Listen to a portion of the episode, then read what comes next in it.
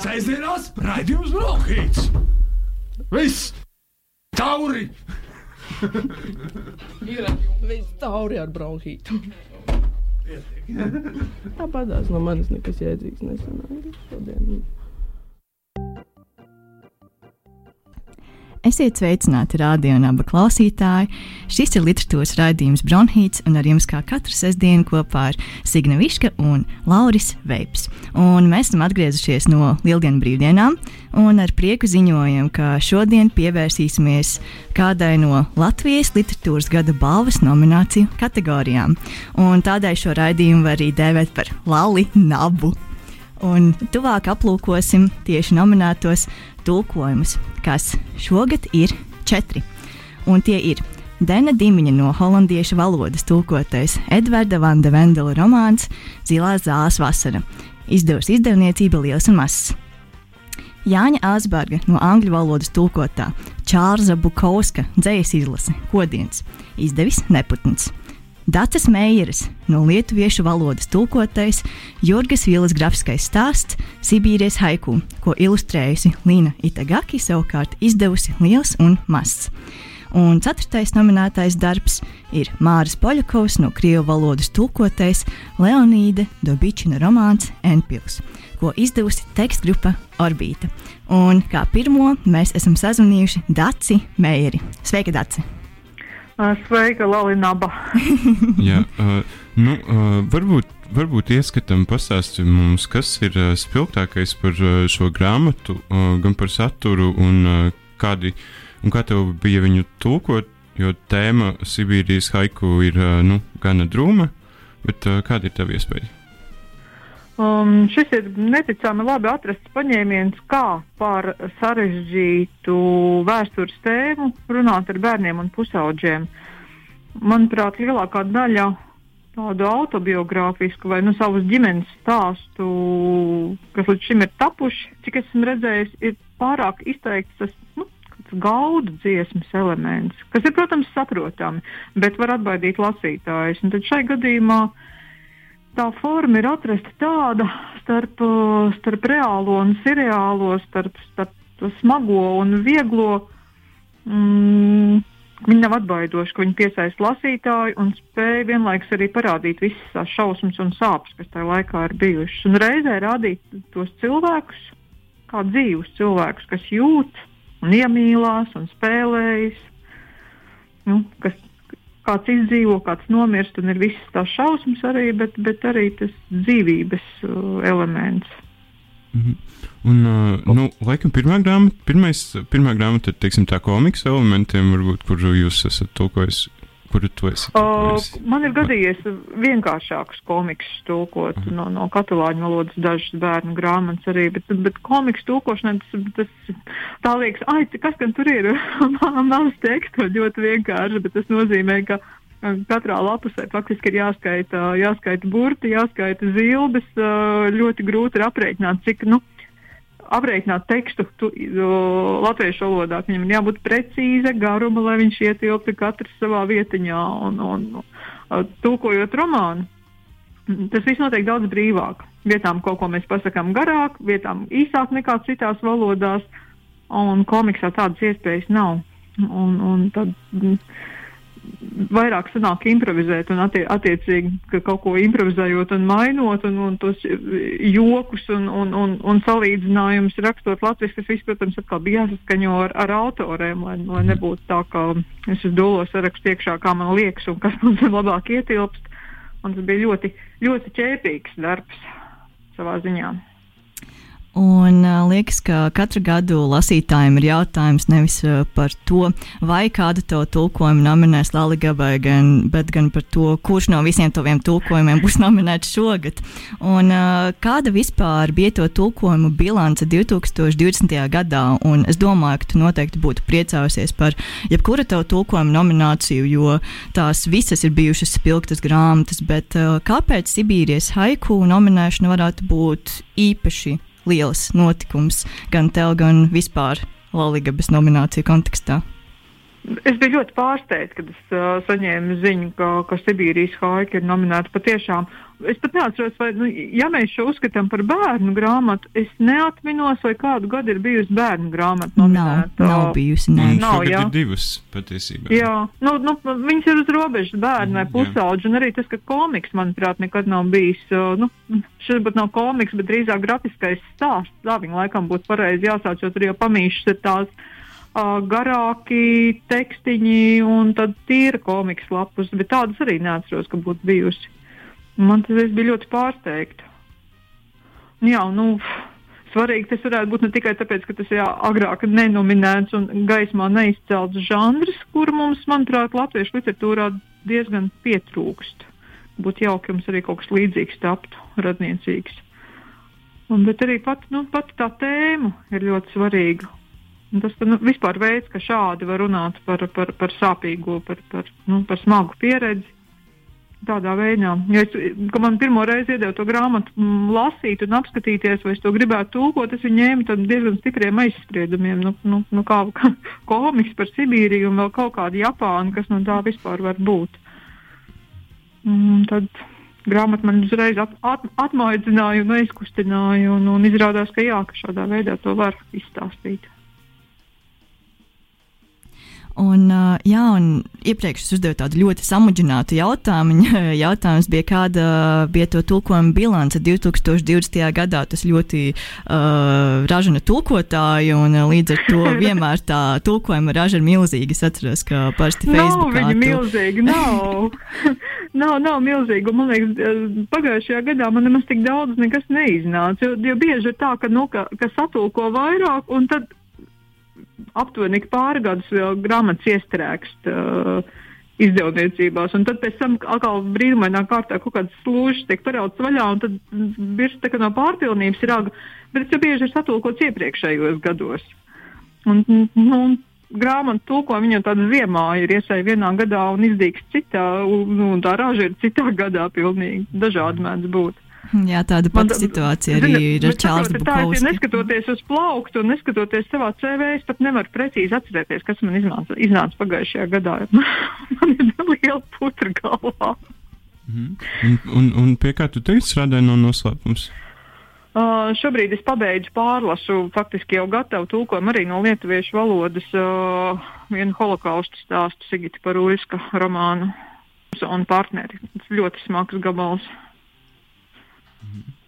Bet... Varbūt kāds atcerās pirms gadiem, pieciem, sešiem, Sigits Parūļskis ar tieši ar šī romāna fragmentiem bija arī prozas lasījumos, un tad, manuprāt, Latvijas tekstos bija fragments arī, un, un par šo romānu viņš arī Baltijas asamblējas balvu saņēma. Bet nu smags teksts. Bet vai nav tā, ka katrs teksts nāk ar kaut kādu, vai nav tā, ka katrs eh, tulkojamais teksts nāk ar kaut kādu smagumu, vai tas būtu vēsturiskais smagums, vai arī kāda cita veida uh, sarežģījumi gan lasītājiem, gan tulkotājiem? Jā, laikam gan. Bet es kā tulkotāju mēdzu ciest arī tad, ja teksts ir nu, pavisam viegls un paviegls. Nu, tā literatūra un izklaidējošā literatūra tā kā mēdz nogurināt ar to, ka autors lasītāju neņem par pilnu. Arī tā mēdz būt. Bet, bet, bet nu, savas grūtības tulkojumā nu, nu, ir katrā. Katram ir, katram ir kaut kādi savi, mm, savas lietas un savas grūtības, kas ir jāatrisina un jāizštuko, kā, ko, ko, ko ar to iesākt. Un, un nevienmēr ir teksts, piemēram, ir īss un tāds liekas tīrs minimālisms, kas gan tur ir ņemt tik un pārakst. Reizēm tas ir pat grūtāk, lai nebūtu neviena lieka vārdu, neviena lieka teikt, nu, nevienas liekas zilbes, neviena lieka sinonīma. Ja autoram tāda nav. Nu, un cits atkal sarežģīts ir ar savām cakām un lapušu lapusēm garajiem teikumiem. Un uh, salīdzinot ar uh, citiem taviem tulkojumiem no lietuviešu valodas, uh, kas tieši Sibīrijas haiku bija citādāk vai āķīgāk? Tu jau minēji par formu, ka tā ir komiksa forma, bet varbūt bija vēl kādas nianses. Nu, šeit diezgan daudz ko vajadzēja adaptēt latviešu lasītājiem. Piemēram, te visi nu, darbojušos personu uzvārdi, vārdi mm, ir pieskaņoti fonētiski, lai viņi būtu latviešu lasītājiem patīkami. Un arī pēc nozīmes ir nu, uzvārdi, piemēram, ir pat nevis tulkoti, bet piemeklēti un saskaņoti ar autoriem, kādam viņiem jābūt. Tas, ir, piemēram, ir uh, dziesmu un kaut kādu folkloras elementu fragmentiņi, kura lietuviešu lasītājiem uzreiz ir atpazīstama no, tiem, no tām dažām zilbēm. Un tur kaut kāda, piemēram, ir, ir tā, nu, fragmentiņš no ganu dziesmas, kur nekādas govis lietuviski nav pieminētas, bet nu, lietuvietis izlasa tos dažus vārdus, un viņš saprot, ka tā ir ganu dziesma. Un tad kā uztaisīt, lai, lai latviski būtu, nu, ar šo vienu rindiņu būtu skaidrs, ka tā ir tautas ganu dziesma, tautas dziesma. Nu, visādi tādi mazie knifi, kas tur visu laiku bija jāatrisina un jāsaskaņo ar autoriem, kas nevienmēr tā ir, ka nu, ka katrs, katrs, uh, katrs sīkumiņš ir jāpaskaidro, kāpēc es to mainīšu un, un, un kā es to mainīšu. Mm. Tas arī bija interesanti. A, un, uh, man tikko arī iešāvās uh, prātā jautājums, vai tu arī esi saņēmusi atsauksmes uh, tieši no bērniem pusauģiem par šo grāmatu? Varbūt tas ir lasījusi uh, kaut kur sociālajos tīklos, vai varbūt liels un mazs ir padalījušies uh, iespaidos. Uh, Es zinu vairāk no, no bērnu vecākiem, no tiem, kas ir lasījuši kopā ar bērniem. Arī daudzi ir rakstījuši, ka, nu, ka visi ģimene lasa, ka izlasa bērnu, pēc tam arī pieaugušie. Jo šī, nu, kā jau visas patiešām labas bērnu grāmatas, viņi nav tikai grāmata bērniem. Nu, manuprāt, tā vispār ir labas bērnu grāmatas pazīme, ka to var lasīt jeb, jebkura vecuma cilvēku. Un šī, manuprāt, ir nu, viena no tādām, ko visiem, visiem piemērotā grāmata. Hm, jā, šo aspektu arī katru reizi, kad uh, mēs Bronhītā runājam par bērnu literatūru, tad uh, arī katrs sarunu biedrs saka, jā, laba bērnu literatūra tā, kas ir paredzēta ne tikai bērniem, un te noteikti var piekrist, ka Sibīrijas haiku arī ierindojas šo izcilo bērnu literatūras grāmatu sarakstā. Un, Tāda pati bija, piemēram, arī nu, tā Anģelas Nanēti grāmata. Mans vectēvs bija ķirškoks. Jā, izcila grāmata. It kā, it kā bērnu grāmata, bet no atsauksmes es pilnīgi noteikti saņēmu vairāk no pieaugušajiem. Mm. Un es domāju, ka šis uh, bija neliels, bet koncentrēts un labs ieskats uh, Sibīrijas haiku. Un, uh, paldies, tev, Dace, par šo uh, foršo sarunu. Un tad gaidīsim jaunas tulkojumus no tevis. Uh, cerams, uh, 2021. gada decembra beigās tad uh, redzēsim krietnu kaudzītī tavu tulkojumu, kas būs iznākuši šogad. Un uh, tad uh, teiksim tev tā, un paldies tev liels! Mm -hmm. Paldies, Ata! Atā. Atā. Un tagad mēs dosimies nelielā muzikālā pauzē, un tad atgriezīsimies jau ar nākamo Latvijas tulkojumu kategorijas nominantu. Sēdzienās raidījums Brokhīts! Esiet sveicināti, radio un abu klausītāji. Esam atpakaļ literatūras raidījumā Bronhīts un uh, turpinām mūsu īpašo raidījumu Lalinaba, kas veltīts Latvijas literatūras gada balvas nominantiem. Un eh, šoreiz tā ir eh, tulkojuma kategorija. Un esam sazvanījuši tulkotāju Jāni Asbergu. Sveiks, Jāni! Sveika, sveika. Un, uh, mēs uh, tagad pievērsīsimies uh, nominētiem darbam, kas ir Bukovska dzīslas izlase Kodiens, ko ir uh, izdevis Neputns. Ar šo izlasi arī Neputns aizsāka jaunu atzīves sēriju, kurā iekļaujas dažādu valstu modernistu un laikmatīgās dzīslas autoru darbi. Un, uh, uh, kā arī rakstīts uh, Kodiena uh, ievadvārdos, uh, tu viņa dzēju atzījoju pirms 15 gadiem, un sākotnēji tā bija paredzēta uh, izdevniecībai AGB, kurai tur arī tulkoja Bukovska romānu sievietes, uh, bet uh, dzējas izlases formā Bukovskis iznāca tikai pagājušajā gadā. Un, uh, kāpēc? Uh, vēl joprojām Bukovskis ir aktuāls, interesants, un kāpēc viņu lasa, un kāpēc ir jēdzīgi, ka šis tulkojums ir iznācis latviešu valodā?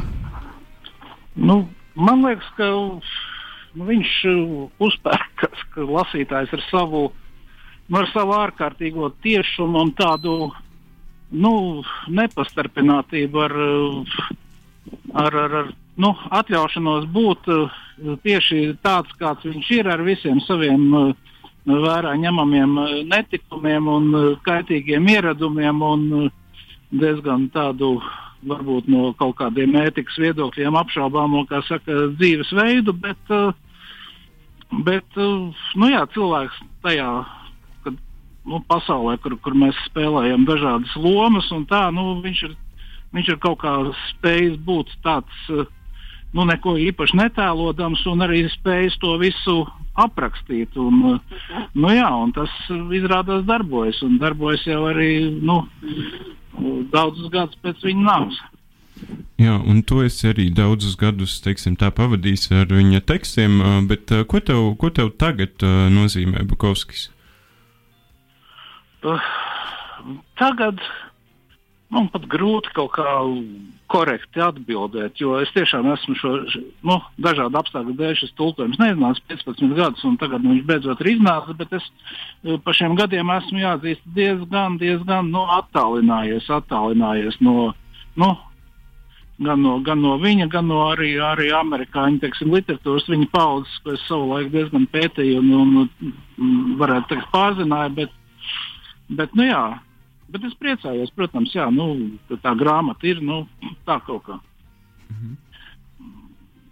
Un, uh, lasot daudzas no izlasē iekļautiem uh, dzējoļiem, es pieķēru sevi pie domas, ka tie ir uh, ļoti, ļoti pretīgi, bet fascinējoši pretīgi. Uh, vai uh, tu vari līdzdalīt šo sajūtu? Uh, nu, jā, nu, nu, tā apmēram ir. Jā. Uh, tas bija aicinājums nolasīt kādu dzējoli. Um, patiesībā šis ir labs brīdis. Es uh, paskaidrošu klausītājiem, ka mans uh, lūgums Jānim bija sagatavot vispretīgāko un uh, skaistāko dzējoli no izlases, un uh, varbūt tur arī nolasīt uh, vispretīgāko dzējoli. Ai, zini, bet mēs jau pēc tam turpinājām to sarunu, un tā kaut kā, kaut kā, kaut kā Nu, lai gan katrs arī, jā, man ir divi tādi skaistie, bet nu, varbūt kādam viņi var liksies pretīgi. Tad nolasi pirmo, varbūt sākumā. Nu jā, tas ir pēc īpaša pasūtījuma šitas pikniks. Man atgādina, ar Džēnu es dzīvoju septiņus gadus. Viņa bija žūpa, es viņu mīlēju. Man vecāki ienīda viņu, es ienīdu savus vecākus. Mēs bijām fēni četrotni. Kādu dienu mēs visi braucām uz pikniku kalnos. Mēs spēlējām kārtas, dzērām malu, ēdām salātus. Viņi beidzot izturējās pret džēmu kā pret dzīvu cilvēku. Visiem bija jautri, man ne. Vēlāk pie manis, pie viskija pudeles, es sacīju džēnai, man viņa ir riebis, bet labi tomēr, ka izturējās pret tevi lādzīgi. Ak, tu muļķi, viņa sacīja, vai tu nesaproti? Ko nesaprotu? Viņa nepārtraukti blendza uz manu alus vēderu, iedomājās, ka es esmu stāvoklī. Oho, es teicu, nu tad uz mūsu burvīgā bērniņa veselību. Uz bērniņa veselību viņa atsaucās. Mēs izmetām glāzes sausas. Jā, paldies. Uh, šis ir uh, šis ir gan jauks, gan mulsinošs dzējolis, un runājot par uh, ģēnu, šis arī tas uh, secinājums, kurās dalījos uh, gan ar tevi, gan ar uh, Lauru pirms rādījuma. Kodienā uh, vārds ģēna minēts 12 reizes, bet uh, vārdi ar sakni sūdi tikai 7. Uh, tā tad uh, var pieņemt, ka uh, mīlestība jebkurā gadījumā ir pārāka, un uh, varbūt tu vari pastāstīt, uh, kas bija uh, Bukovska mīļotā sieviete, šī Džeina, kas viņa ir? Nu, viss apmēram jau tajā iepriekš minētajā dzējolī ir izstāstīts. Nu, jā, nu, viņa, viņa nomira. Uh, viņa nomira un. Uh, nu, nu, cik, cik noprotams no dzējoļiem un viss, nu, jā, nu, kā jau minēts, žulpa. Bet uh, Bukovskis viņu nu, turpināja mīlēt vēl, nu, jā, līdz savu mūžu galam. Rakstīts par to. Mhm. Un vai ir vēl daudz ceļoļu, kur pieminēta viņa, bet kas nav iekļauti šajā izlasē? Uh, to es tik labi neatceros, jo es tiešām izlasīju nu, divus, trīs tūkstošus lapas pušu Bukovska dzējas, lai sastādītu šo 200 un cik tur lapas pušu izlasīt. Un uh, atlasa diezgan grūti, jo nu, viņš tiešām bija daudz rakstītājs, un viņam ar to atlasu īpaši negāja. Man liekas, es esmu uztaisījis par mazliet labāku dzīvnieku, nekā viņš patiesībā bija. nu, jā, jo atlases ir diezgan svarīgs faktors. Bet nu, bija, bija, jā, viņš ar Džēna figurē gan stāstos, gan romānos, var sakot, jā. Viscaur. Uh, un saki, ka, uh, kā tu izsaujies uh, tā kā tādu vidusmēru Bukovska cienītāju, lasītāju? Uh, tas arī ir pagrūts jautājums, jo nu, kā viņš raksta no veča viedokļa un par uh, nu, tādu veča pasauli. Bet uh, es esmu saskāries ar, ar, ar to fenomenu, ka ka, ka viņš patīk, nu, ka viņu lasa arī sievietes, un arī, arī sievietes ar ļoti smalku gaumu un filozofijas doktors. Un, nu, tā kā nu jā, tajā šarmā ir kaut kas laikam diezgan universāls. Mm. Nu, tad varbūt paklausīsimies otro dzējoli, ko esi sagatavojis mums. Jā, un tas ir saucās filma Žulpa, angļuiski filmas nosaukums Barfly. Un, uh, var sakot, Bukovskis bija scenārists un uh, te ir dzējols par šo filmu. Džeina ir kapā jau 31 gadu. Nemūžam viņai nebūtu ienācis prātā, ka es varētu rakstīt scenāriju par mūsu kopīgajiem dzeršanas laikiem un ka pēc tā uzņemtu filmu, un ka skaista kinozvaigzne spēlētu viņas lomu. Es dzirdu Džeinas balsi. Skaista kinozvaigzne, labi žēliņa. Džeina. Tas ir tikai šaubiznes, tāpēc guli vien tālāk mīļā. Jo, lai kā viņi pūlējās, viņi nevarēja atrast nevienu tieši tādu kā tu. Un es arī nevaru. Cik skumji? Jā, tieši tik. Uh, labi, paldies tev, Jāni, par šo īso, bet koncentrēto sarunu. Es domāju, ka gan mēs, gan klausītāji ieguva vismaz nelielu priekšstatu par šo dzējas izlasi, uh, kas diemžēl uh, jau ir uh, izpārdota, un tad uh, pie fiziskā eksemplāra ļoti grūti tikt, bet uh, vismaz uh, Satori ir publicēta desmit dzējoļi no šīs izlases, ja nu kāds grib iepazīties. Jāni, paldies Jā. tev, uh, lai tev forša diena. Tev, paldies, Lauri. Jā. un atā. Atā. Un atkal dosimies nelielā muzikālā pauzē, un pēc pauzes pievērsīsimies Leonīda Dobičina romānam Enpils, ko no krievu valodas tulkojusi Māra Poļakova. Sēdzienās raidījums Brokhīts! Un esam atpakaļ radionāba studijā, literatūras raidījumā Bronhīts un turpinām sarunu par Latvijas literatūras gada balvai nominētajiem tulkojumiem. Un tagad mēs pievērsīsimies Leonīda Dobičina romānam Enpils, ko no krievu valodas tulkojas Māra Poļakova. Un Māru mēs esam arī tagad sazvanījuši. Sveika, Māra!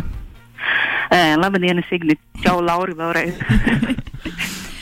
Jā, un uh, pirmais ievidošais jautājums. Ne, vispirms prieks tevi dzirdēt šādi skaidri un labi un uh, bez dīvainām skaņām, kādas bija izskatā. Un uh, tad mēs sāksim ar. Uh, Tādu ievadošo jautājumu, kā vispār šis romāns Enpils nokļuva pie tevis un ko tev personiski, gan kā lasītājai, gan kā tulkotājai, nozīmē šis darbs? E, Dubīčins un, un Enpils, jeb tajā laikā vēl Gorot N, bija izdevēja, mana un Laura izdevējas Stašas Zapoļa uh, lolojums. Man liekas, uh, man ir aizdomas, ka viņš uh, Dabičinu gribēja izdot jau ap to pašu brīdi, kad viņš vispār sāka to orbītas bibliotēkas sēriju, jo nu, tas ir kaut kāds tāds parāds, kas ir atdodams, uh, atdodams Latvijas kultūrai, piedodiet par augstiem vārdiem. Ja? Jo es, uh, es vispirms pateikšu, kāpēc viņš ir svarīgs. Jo viņš galu galā ir mūsējais tāds pats kā uh, Rotko, teiksim, vai Iesai Berlīns, ko mēs esam jau iemācījušies uzskatīt par savējiem un lepoties ar viņiem, un tieši tāds pats mūsējies gal galā ir Dabičins, par kuru uh, tie, kas dzīvo uz rietumiem no Daugavpils, laikam neko nebija dzirdējuši, atskaita sevišķi. Uh, sevišķi veiksmīgus mācījušos filologus. Es tāds nebiju. Nē. Un, tādēļ, um, kad Zaša man kad Saša ierosināja, ka es varētu pamēģināt viņu pārtulkot. uh, nu, es paņēmu, paņēmu palasīju. Un uh, līgsmi viņam ziņoja, ka nē, tas nav tulkojams. un, un tad, protams, ziniet, kā uh, nu, pirmā, pirmā doma ir uh, padošanās un, un, un bezcerīgi un nav iespējams. Un, un tad jau, protams, nu, tā kā drusku sāk pirkstiņi kniest un gribas pamēģināt, un ja nu tomēr. Un lūk, uh, man personiski, uh, tātad es, es viņu uzreiz lasīju kā tulkotājs, viņu nelasīju kā lasītāja uh, nevienu reizi. Mm, nu, man personiski tas ir vēl viens pārvarēts bailīgums, un vēl viena pārvarēta mazdūši, mazdūšība un kaut kāda pārliecināšanās par to, ka vēl kaut ko neiespējamu var pamēģināt izdarīt. Tālūk. Jā, jo tur tie teikumi, es, es lasīju, un man likās, ka, ok, labi, kaut, tur, kaut kas, tur kaut kas ļoti, ļoti dīvains notiek. Es domāju gan par vārdu kārtību, gan par to, ka tiem teikumiem ir kaut kāda tā, tā, tā kā afišas vai nu, pats, patstāvīga, teiksim, tā kaut kāda kvalitāte katram teikumam. Un, kā vispār bija kā, ielikt tajā nostķert to zobratu? Bija šausmīgi grūti. Bija šausmīgi, šausmīgi grūti, jo nu, tu, tu pareizi saki, visi, katrs tas teikums ir jocīgs. Pareizi, ja?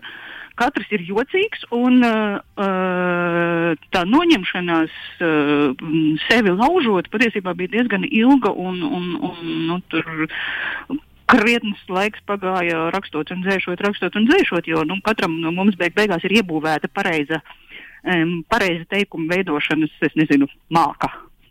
Mm. Ne, mēs visi, protams, uzrakstīt skaistus un pareizus teikumus. Un uzrakstīt nepareizu teikumu un apzināti nesmuku teikumu, ja patiesībā ir ārkārtīgi grūti un nu, tas, tas daudz prasīja. Gan um, nu, uztaustīt to, to, kā man likās, ka tas tomēr varētu strādāt, ja, lai tas neizskatās vienkārši pēc nepareizu teikumu, bet pēc nepareizu teikumu, kuram, kuram ir kaut kāda jēga, uh, kaut kāda jēgpilnība tajā nepareizībai. Nu, līdz pašām beigām tādas zin, pilnīgi dižas pārliecības, ka man tas izdevies, nebija. Tādēļ, kad nu, redaktors paņēma lasīt, es ar, ar reālu roku trīcēšanu gaidīju, kas, ko tad viņš teiks, nu, strādā vai nestrādā. Un, kad redaktors man ziņoja, ka par manu tulkošanas koncepciju citēju, varot, protams, strīdēties, bet strādāt viņa strādā. mm. Redaktors Vens Zvaigznē, kas? Jā, tieši tā. Mm, un tad, tas, tas bija tas brīdis, kad nu, man, man likās, ka nu, es varbūt neesmu iegāzusi izdevēju ar šo savu eksperimentu. Jā, nu, viens eh, teikums, kas man patiesībā atgādināja uzreiz bet, eh, nu, Nabokovu, tu, bet, nu, vārds sakot, šis, es nu, gribu vienkārši viņu nocitēt. Šajā rudenī secējot inficējās un nomira tēvs. Tas ir vienkārši nāk no pilnīgi ne no kurienes. Ir tāds teikums, kas uh, parāda, ka lūk, šim bērniņam ir nomiris tēvs. Un, uh, varbūt jūs varat arī, varbūt var arī uh, pašā stāstā mums iev, ievadīt kaut kā. Tur jau uh, tur īsti stāsta jau nav. Ja? Tur ir uh, puika, kurš dzīvo. Nu, kur, viņš, kur, kur mēs viņu noliksim dzīvot, viens kā mēs viņu liksim dzīvot. viņš dzīvo uh, provi, nu, Krievijas impērijas provinces pilsētā, ja tur, uh, tur, tās, uh, tur ir dažas ļoti interesantas vietas, kur parādās latvieši.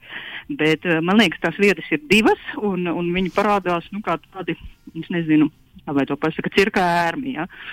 Bet, uh, principā, tā ir Krievijas impērijas pilsēta ar visu, visu viņas uh, šā gala uh, daudzveidību un, un provinciālismu. Un tas, tas puika vienkārši aug un, un viņš uh, stāsta vai pieraksta šķietami vienkārši uh, to, ko viņš uh, redz, dzird un izjūt augdams. Un, un, un patiesībā vienīgā dinamika, nu, vienīgā dinamika tur parādās bezmaz pēdējā lapusē, kad izrādās, ka viss, ko viņš līdz šim ir redzējis, uh, ir bijis nepareizi. Ja? Uh, te, te, te, te es savukārt nolasīšu to vietu, jo te, teikumu, jo tas ir spožs teikums. Man liekas, vakarā, kad kļuva tumšs, es ieraudzīju, ka zvaigžņu ir ļoti daudz un ka tām ir stari. nu, tāda at atklāsme pēdējā lapusē. nu, pat fantastika, vai ne? Mm. jo līdz šim, viņš, līdz šim viņš sliktās redzes dēļ pasauli bija redzējis kaut kā, nu, kaut kā acīm redzam neadekvāti, nu, tad, kā izrādās neadekvāti. Un, un, un šajā brīdī lasītājs tā- sāk domāt, nu, ko īsti viņš ir lasījis, kas tas ir bijis. E, nu, nu, kaut kā tā. Un uh, kritiķi ir uh, kā rakstījuši par uh, to, ka tur ir nu, jaušama kaut kāda kinematogrāfa ietekme, respektīvi, nu, tur ainas apmēram pēc stopkadra principa kaut kā tam līdzīga. Bet, nu, kā tev kā tulkotājai liekas, ko, ko tev tas atgādina viņas stils? Tas? Uh, man viņa stils, uh, kāpēc man viņš uzreiz iepatikās pirmo, pirmo reizi lasot, man, uh, man viņš atgādināja Platonovu, kuru, kuru es, kuru es trapka mīlu. Un kurš man arī uh, liekas netulkojams, Odas Bērziņš ir viena viņa stāstu spoži pārtulkojis. Nu, un, ja to ir varējis izdarīt Odas Bērziņš, tad tā, tas ir kaut kas tāds, ko var darīt tikai Odas Bērziņš. Ja? Un, uh, tur citi tur raksta kaut ko par Čehovu, to es neizjūtu tik ļoti, bet, lūk, Platonova tā. Mm, greizā kaut kāda optika, jā, bet, uh, nu, teiksim, tulkojot, kas, kas man liekas visinteresantākais, viņam, visinteresantākāk, viņam vienā teikumā vairākas reizes it kā nomainās perspektīva, ja? tā, tā atgādnā vārdu kārtība, uh, viņa liek tev vienā teikumā to, ko viņš tajā teikumā pasaka, ieraudzīt, nu, no diviem, trim rakursiem. Un tas ir šausmīgi interesants efekts. Es nezinu, vai tas ir kinematogrāfiski. Nu, tur vajag lielāku gudrību nekā man ir, bet, mm, bet es ar kaut ko tādu literatūrā īsti nebiju saskārusies līdz šim. Nu, tur gramatiski visādi paņēmieni, kā viņš to izdara, jā, bet, eh, tas bija visinteresantākais. Tā visu laiku tā kaut kāda nobīdītā fokusa sajūta, uh, ka jebkurā brīdī var izrādīties, ka tas ir kaut kas cits, ko tu šobrīd lasi. Ja? Jā, man liekas, ka šis darbs ir. Va, tas var būt gan arī mazliet mūsinošs lasītājiem, bet uh, man šķiet, ka ne tikai šis uh, darbs no tevis tulkotajiem darbiem ir tāds, uh, tu esi Latvijas nominants ar stāžu, un uh, vai šiem nominētajiem darbiem, nominētajiem tulkotājiem ir kāds kopsaucējs, vienojošais faktors, jo sajūtu līmenī man šķiet, ka tevis tulkotie darbi ir pirmkārt ārkārtīgi piņķerīgi, un otrkārt bieži nes līdzi sev veida vēsturisko smagumu. Um, es, es domāju par šo, par šo, šo lietu. Uh, nu, teiksim, mm, man liekas, drīzāk, ka kopīgais nav jau tā, ka es izvēlos, izvēlos tulkot tādas grāmatas, kuras ir grūti tulkot. Patiesībā, patiesībā galīgi ne. Uh, bet uh, kopīgais tur varētu būt uh, tas kaut kāds mans uh, funkcijas par caurumu aizlāpīšanu. Ja? Nu, šur, kur šeit mēs aiz, aizlāpām caurumu, dabīčinu caurumu. Uh, pirms gada tas bija Bosnijas, Bosnijas kara caurums. Nu, ko mēs zinām par Bosnijas karu Latvijā? Es, es mēnesi nodzīvoju Sarajevā kaut kad pirms, pirms pieciem, sešiem gadiem. Tādēļ man, man likās ļoti svarīgi to, to, to stāstu vismaz drusciņi um, nevis pastāstīt, bet iestāstīt. Ja? Un vēl pirms tam tas bija tāds Grosmanis, tas, protams, ir Izraēla literatūras caurums, kas mums joprojām ir milzīgs. Nu, tas varētu būt tas kopīgais nu, no mana viedokļa. Hmm, Tas ir labs vienojošais faktors. Tā kā tiešām uh, lapīta caurums, kuru trūkst mūsu valodā. Hmm. Un uh, Jā. noslēdzošais uh, jautājums, kādas jaunas tulkojumus no tevis mēs varam gaidīt tuvākajā laikā, teiksim, šogad? teiksim, šogad. Uh, ir viena šausmīgi interesanta lieta, kas jau ir redakcijā. Mm, tas ir mans, uh, manā, kā, manā personiskajā biogrāfijā tāds nozīmīgs, um, nozīmīgs um, brīdis. Pirmais, drusciņš lielākais mēģinājums kaut ko izdarīt ar jīdišu. Un tā ir uh, Jishoha um, Baševja Zingera Šoša, kur es trīs mēnešus nosā- nosēdēju lasīdama 50 gadus vecās avīzēs viņu publicētu. Un, uh, nu, viņš nav pilnībā no jidiša taisīts, viņš ir daļai no jidiša, da- daļai no angļu. Un tas viss, patiesībā tas arī pasaulē ir otrais mēģinājums šo, šo, šo, šo romānu tulkot uh, no, jidiša. Mm, Krievu kolēģi ir viņu visu notulkojusi, nu es daļēji. Un Tas ir šausmīgi interesanti. Tas būs viens, un uh, tad vēl es ceru, ka gada beigās vēl būs, uh, būs vēl viens Edgara Karata krājums. Oh, cik jauki. Prieks dzirdēt. Jo par to pirmo mēs ar, mēs ar Signi varējām tikai bolīt acis.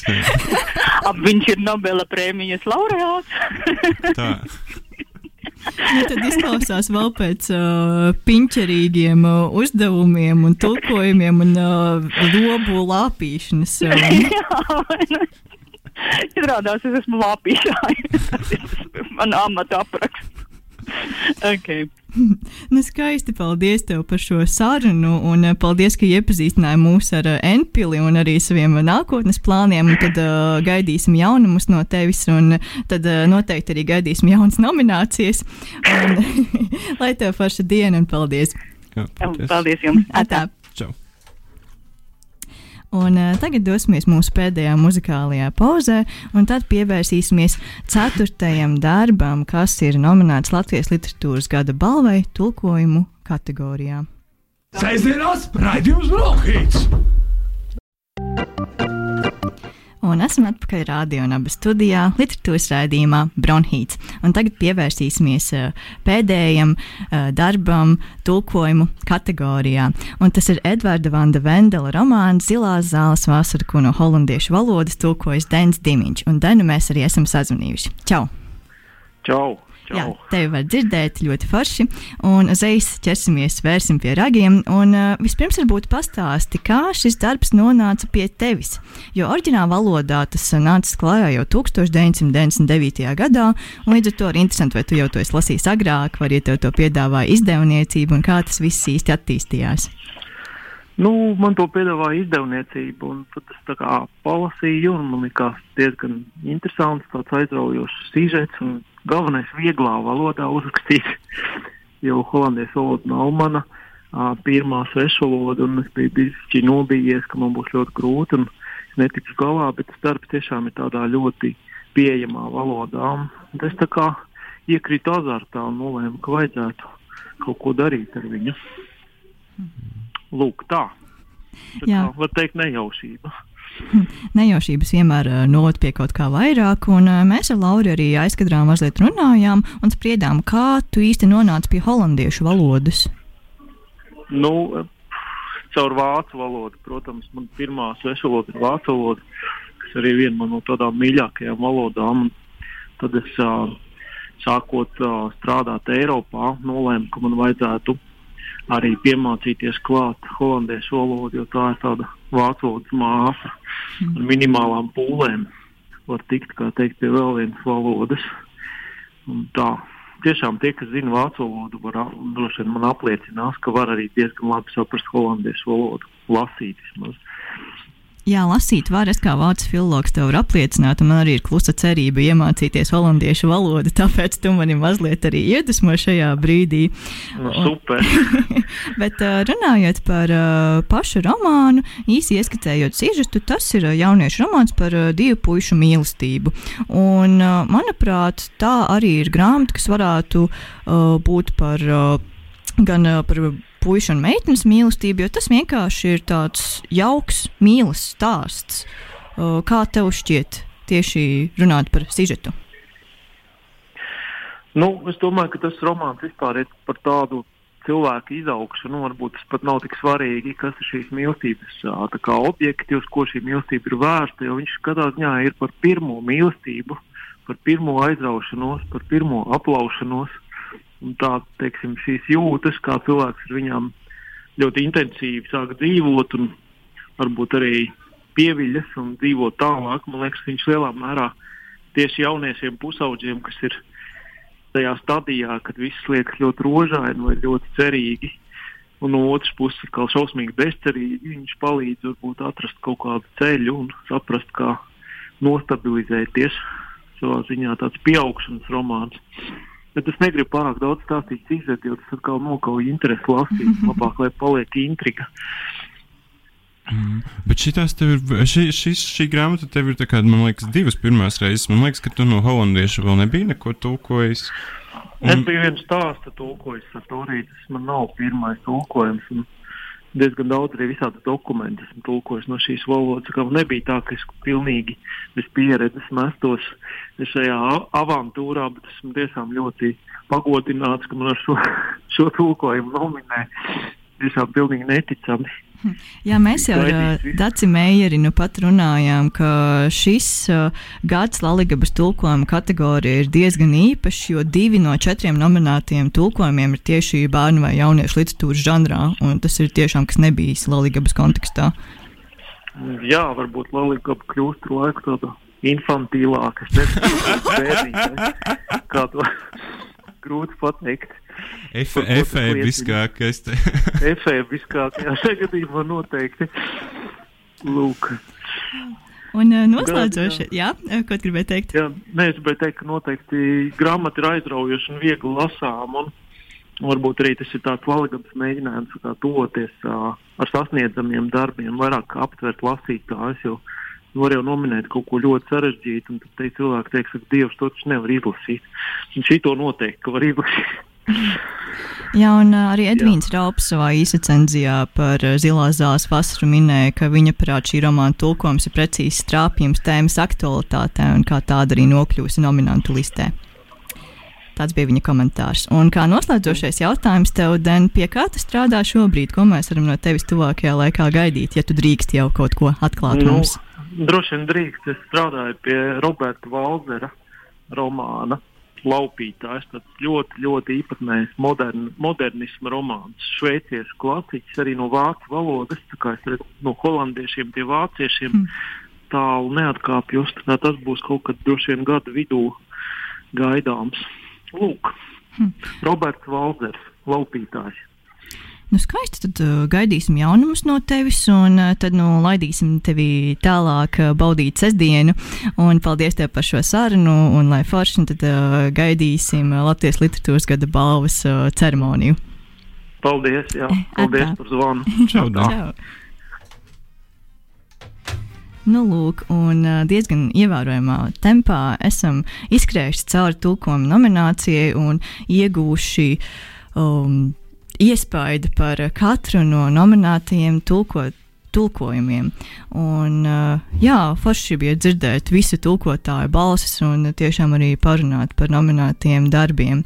Un uh, nākamnedēļ mēs neturpināsim ar Laligabu, mēs turpināsim ar Laligabu pēc divām nedēļām un tas atkal būs Lalinabas raidījums, bet nākamajā mēs vairāk pievērsīsimies tieši dzējai, bet uh, ne Laligabai nominētajai dzējai. Un tad uh, pagaidām atvadīsimies no jums, klausītāji. Paldies, ka šodien bijāt kopā ar mums, un tad uz sadzirdēšanos jau atkal nākamnedēļ. Atā!